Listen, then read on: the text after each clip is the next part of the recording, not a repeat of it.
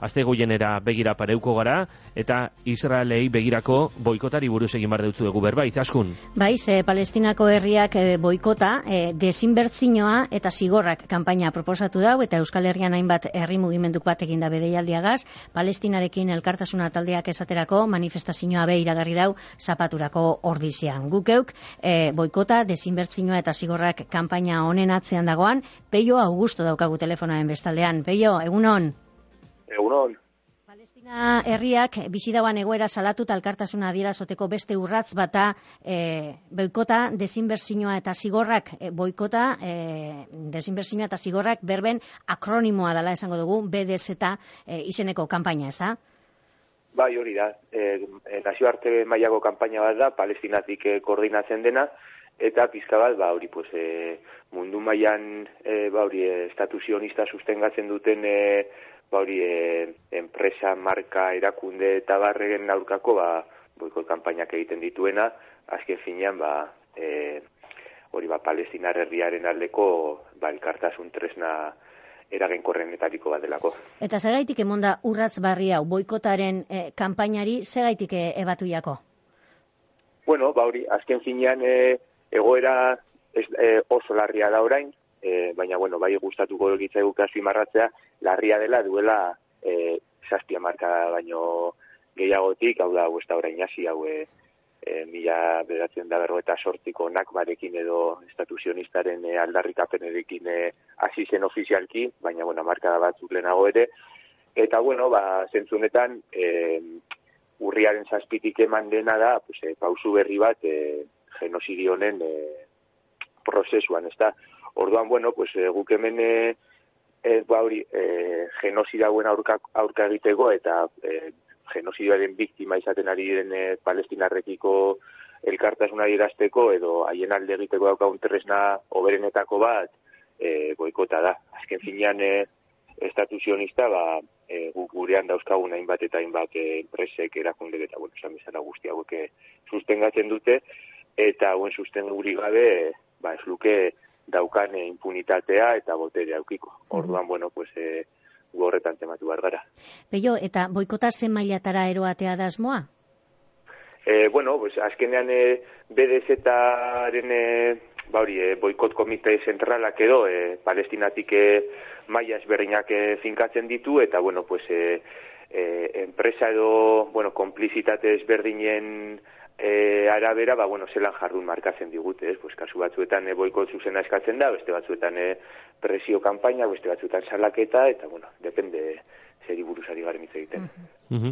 Cisjordanian gaur egun iru milioi pertsona inguru bizi dira, eta Cisjordania inguruan eta barruan dagozan, nazio arteko zuzenbidearen arauera, ilegalak diran kolonietan laureun mila e, Israeldar inguru biziko litzatekez. E, ekialeko Jerusalem eta kolonia horre konektetako e, tren zerbitzua eta tranbia ere egiten dabil Gipuzkoako kafe enpresea eta manifestazioa egingo dozue kafen aurrean e, boikota salatzeko.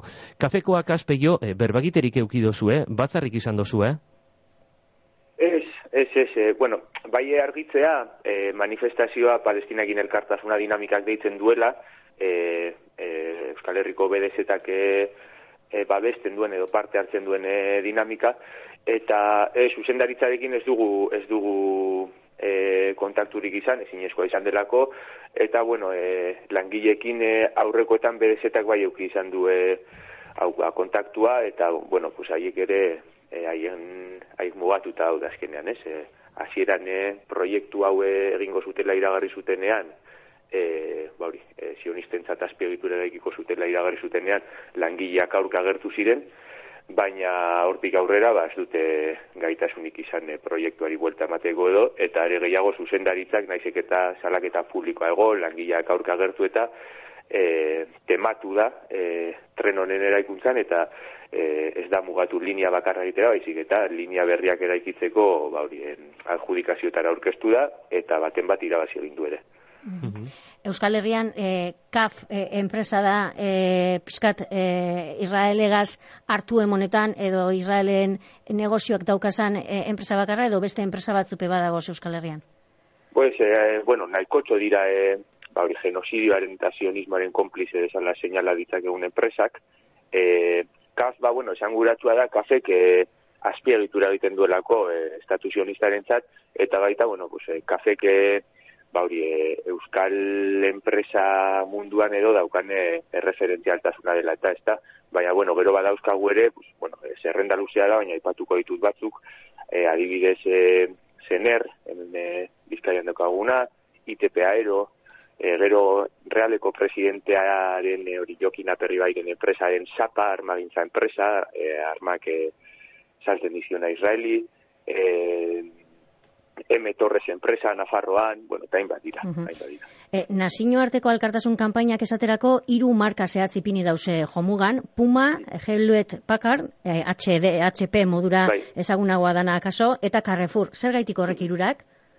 Bueno, ba, azkenean eh, mundu mailako e, marka esanguratsuak edo ezagunak direlako, eta daukaten e, konplizitate maila ez delako mugatzen, ba hori negozio soia egitera eta eta horrekin Israelgo estatua sustengatzera, baizik eta aktiboki edo demagun e, egin dutelako ba genozidioaren aldeko autua, ez? Ba e, HP ke Israelgo Israelek daukan segurtasun sistema guztia e, bueno, oinarritzen du, osea, e, Eh, haien segurtasun sistema guzti horiek e, genozidako aplikatzen direna, kontrol sistemak eta bar, e, HPrenak dira, e, gero Pumak, bueno, pues horregon zenolako ematen zuen momentu baten Pumak rekulatu egingo zuela edo, baina, bueno, ba, Israeldar e, kirol e, hauek e, selekzioak eta, pues, e, ba, izan ditu, eta, eta Carrefourrek, bueno, ba, aktiboki, e, e, bueno, pues, propaganda egin du eragusten zelan ba berak e, bueno, enpresak e,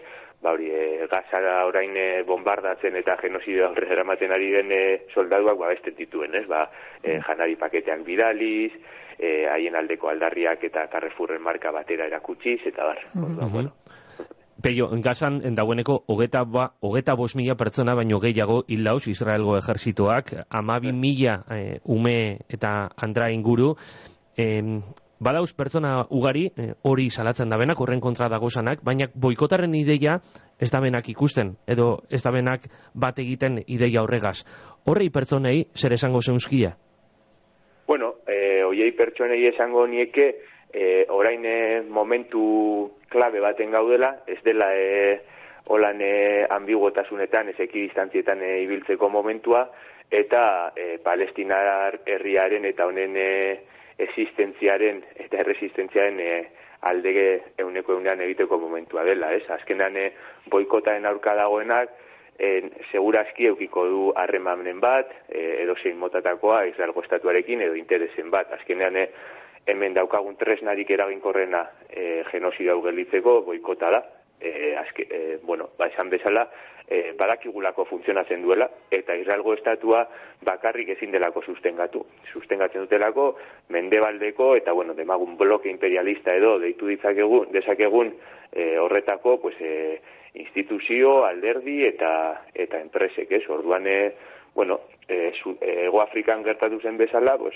suertatzen ari da eraginkorra. Eta, eta azkenean ere, e, boikotaen aurka agertzen diren hoiek, argudio gutxi daukate e, haien postura hori defendatzeko ez. Osa, nik eh, asko entzun dut azken aldian hau, baina argudio hori korren atzean ez. Beraz, e, bueno, hori.